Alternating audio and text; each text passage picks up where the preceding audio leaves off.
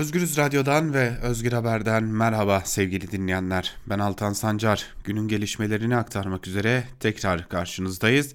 Bir önceki bültenimizde dünyadaki son durumu koronavirüse dair son durumu paylaşacağımızı belirtmiştik. Öncelikle dünyadaki son durumu paylaşalım ve yine Türkiye'de son durum ne, Türkiye'de neler yaşanıyor onları aktaralım sizlere. Amerika Birleşik Devletleri'nde ölüm sayısı artmaya devam ediyor. Dünyada en fazla vakanın görüldüğü yer artık Amerika Birleşik Devletleri 440 bine yakın vakanın görüldüğü ABD'de hayatını kaybedenlerin sayısı ise 15 bine yaklaştı. İngiltere'de dün ölüm sayısında bir günlük en büyük artış yaşandı. 938 kişi hayatını kaybetti ve toplam ölüm sayısı 7097'ye yükseldi. İtalya'da 17.700'e yakın ölümle dünyanın en fazla can kaybının yaşandığı ülke olma durumunu koruyor. Bu arada ülkedeki toplam vaka sayısı da 140 bini geçmiş durumda. İspanya dünyada en fazla vakanın görüldüğü ikinci ülke 148 bin üzerinde vaka tespit edilmiş durumda. İspanya'da ve ülkede toplam 14.792 kişi de hayatını kaybetti. 113.296 vakanın görüldüğü Almanya'da ise can kaybı sayısı 2500'e yaklaşmış durumda. Türkiye'de ise dün açıklanan son verilere göre 87 kişi hayatını kaybetti. Toplam can kaybı 812'ye Vaka sayısı ise 38.226'ya yükseldi. Dünya genelinde koronavirüs nedeniyle hastalanıp daha sonra iyileşenlerin sayısı ise 329.876 olmuş durumda. Aktarmıştık zaten e, Dünya Sağlık Örgütü'nün kodları kullanılmıyor diyordu Türk Tabipleri Birliği ve bu kodlar kullanılmadığı için de Türkiye'deki ölüm sayılarının düşük gösterildiği belirtiliyor. Yani bunun iki buçuk katı açıklananın iki buçuk katı bir vaka ve ölüm oranıyla karşı karşıya olduğumuzu söylüyor ki bu durum aslında bize neyi işaret ediyor? 95 bin vakayı ve yaklaşık olarak da 2000 ölümü işaret ediyor Türk Tabipler Birliği'nin açıklamaları doğrultusunda yapılan hesaplamalara göre.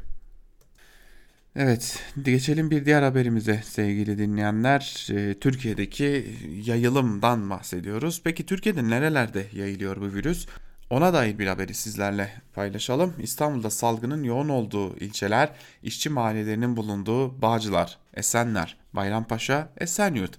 Uzmanlar buradaki dar gelirli çalışanların kendilerini izol izole edemediğini dikkat çekerek bunun salgının yayılımına etki ettiğini belirtiyor.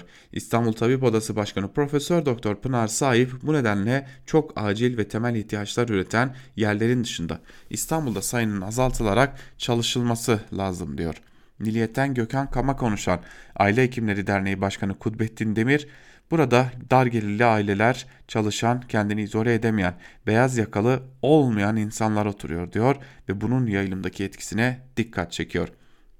Esenyurt'ta durumun Esenyurt'ta da diğer ilçelerden farksız olduğunu dile getiriyor. Durumun demir ve 20-65 yaş arası çalışan kesime ciddi bir kolaylık getirilmediğine dikkat çekiyor.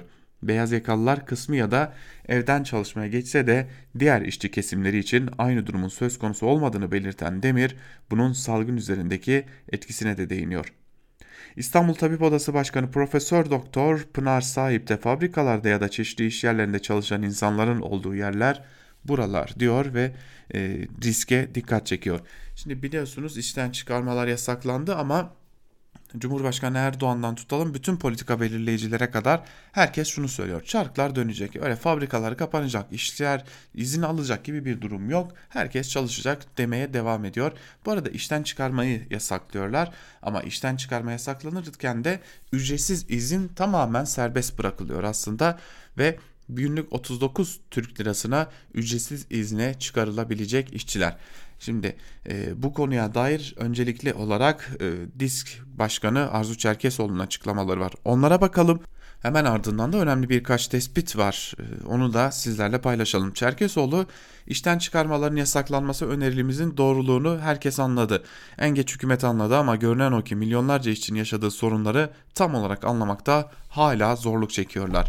Öncelikle bu karar geç alınmış bir karardır. Önerdiğimiz gibi salgının en başında alınmalıydı. Her şeyden önce işten çıkarma yasağı sırasında ücretsiz izin uygulamasına gerek yoktur. Ücretsiz izin uygulaması meşrulaştırılamaz, kabul edilemez. Bu durumda yapılması öngörülen ödeme miktarı da vahimdir. Örneğin kısa çalışma ödeneği uygulanacak olsaydı 1752 TL ile 4381 TL arasında ödenek alacak işçiye sadece 1177 TL ödeme planlanıyor. Covid-19 sürecinde işçilerin çoğunluğu ayda 1177 TL'ye mahkum edilmek isteniyor. İşsizlik ödeneği ve kısa çalışma ödeneği devreden çıkarılarak bunun yerine ayda 1177 TL ile ucube bir ücretsiz izin uygulaması getirilmiş olması kabul edilemez diyor. Yani işçilere devlet daha fazla para vermesi gerekirken bakın burası gerçekten çok önemli. Bakanın söylediği gibi burası çok önemli. Daha fazla para vermesi gerekirken öyle bir oyun yaptılar ki işçileri daha az parayla daha daha az geçinmeye zorlamış oldular. Bu konuya ilişkin dikkat çeken bir e, tweet dizisi var. Alpaslan Savaş bu konuya ilişkin dikkat çeken bir dizi yayınlamış. Bunu da sizlerle paylaşalım. İsten çıkarma yasaklanıyor diye sunulan düzenleme büyük bir sahtekarlıktır. Ancak ancak şeytanın aklına gelirdi. Yapılan 3 ay boyunca işten çıkarma yerine ücretsiz izin getirmek. Üstelik yasada ücretsiz izin diye bir uygulama da bulunmuyordu. Böylece yasaya soktular. Şimdi patronlar kimseyi işten atmayacak ama ücretsiz izne yollayacak. Ücretsiz izne yollanan işçiye işsizlik sigortası fonundan günde 39 lira ödenecek. Ayda 1170 lira eder. Sadaka diyelim. Ayrıca bu miktar işçinin ileride kullanacağı işsizlik ödeneğinden mahsup edilecek. Bu yasalaşırsa ballandıra ballandıra anlattıkları kısa çalışma ödeneğine patronlar başvurma ihtiyacı duymaz. Nasıl olsa artık ücretsiz izin serbest, işçi dilediğin gibi izne yolla, dilediğinde geri çağır. Başvuruydu, incelemeydi, onaydı, kurtuldular. TİSK ne isterse o oluyor. Telafi çalışması, denkleştirme, işsizlik sigortası fonundan şirketlerin yararlandırılması. Şimdi de işten çıkarma yasağı adı altında yasaya giren ücretsiz izin uygulaması. Yıllardır, yıllardır istediklerini 3 haftada aldılar diyor Alpaslan Savaş'ta bu tweet dizisinin bir bölümünde e, sanırım artık söylenecek söz kalmamış oluyor. Böylelikle e, hani nimet diye sunulanın nasıl e, kötülüklerle dolu olduğunu gösteren bir diğer haberdi bu da sevgili dinleyenler. Şimdi AKP iktidarının sosyal yardımlara, sosyal hizmete nasıl baktığına dair bir haberle devam edelim. E, evde kal çağrılarına çocuklarımız aç nasıl evde kalalım şimdi ben dil dilenmekten çöpten yiyecek toplamaktan geliyorum diye yanıt vererek durumunu anlatan roman bir kadına İstanbul Aile ve Sosyal Politikalar İl Müdür Yardımcısı geber diye yanıt verdi. Euronews'in paylaştığı bir videoydu bu. O videoda roman bir yurttaş e, çöpten beslenmek zorunda kaldıklarını, pastaneleri çöpleri gezerek çocuklara ekmek aradıklarını belirtti. Bu video bir hesaptan romanlardan evde kal çağrılarına yanıt. Çocuklarımız aç nasıl evde kalalım şimdi ben dilenmekten çöpten yiyecek toplamaktan geliyorum denilerek paylaşımdı. Bu paylaşımı da İstanbul Aile ve Sosyal Politikalar İl Müdür Yardımcısı Nail Nuay alıntılayarak geber ifadeleri, ifadelerine yer verdi.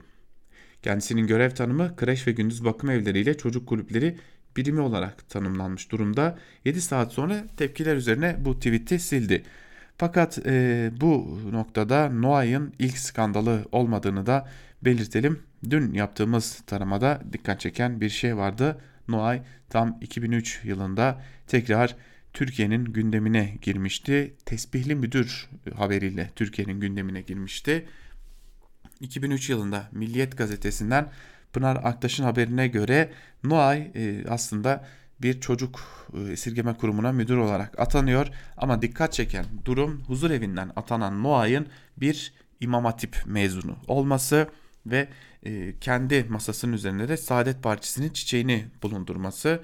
E, daha önce de Seçek Genel Müdür Yardımcılığına vekaleten Diyanet'te de memuriyete imam olarak başlayan din eğitimi görevlisi İmam Bey Ertem getirilmişti o dönemlerde ve o tartışma yaratmışken bir de Noay getirilmişti. E, yaşlara ısınamadım, yaşlar yolun sonuna gelmiş diyen bir isimdi. Noay daha sonra görevden alındı. 2003 e, yılında AKP'nin daha henüz yeni yeni iktidar olduğu dönemlerde e, görevden alındı ama o görevin alınmasının, o görevden alınmasının ardından alttan alta başka görevlere atandı. Şu anda da İstanbul'da müdür yardımcılığı yapmaya devam ediyor sevgili dinleyenler. E, Türkiye'de de sosyal yardımların durumu bu. İşçisine daha az para ödeyebilmek için işten çıkarma yasakladım e, gibi bir yalanla bunu yapanlar haliyle sosyal yardımlardan da bunu anlıyorlar diyelim ve haber bültenimizi noktalayalım sevgili dinleyenler. İlerleyen saatlerde tekrar görüşmek dileğiyle. Hoşçakalın.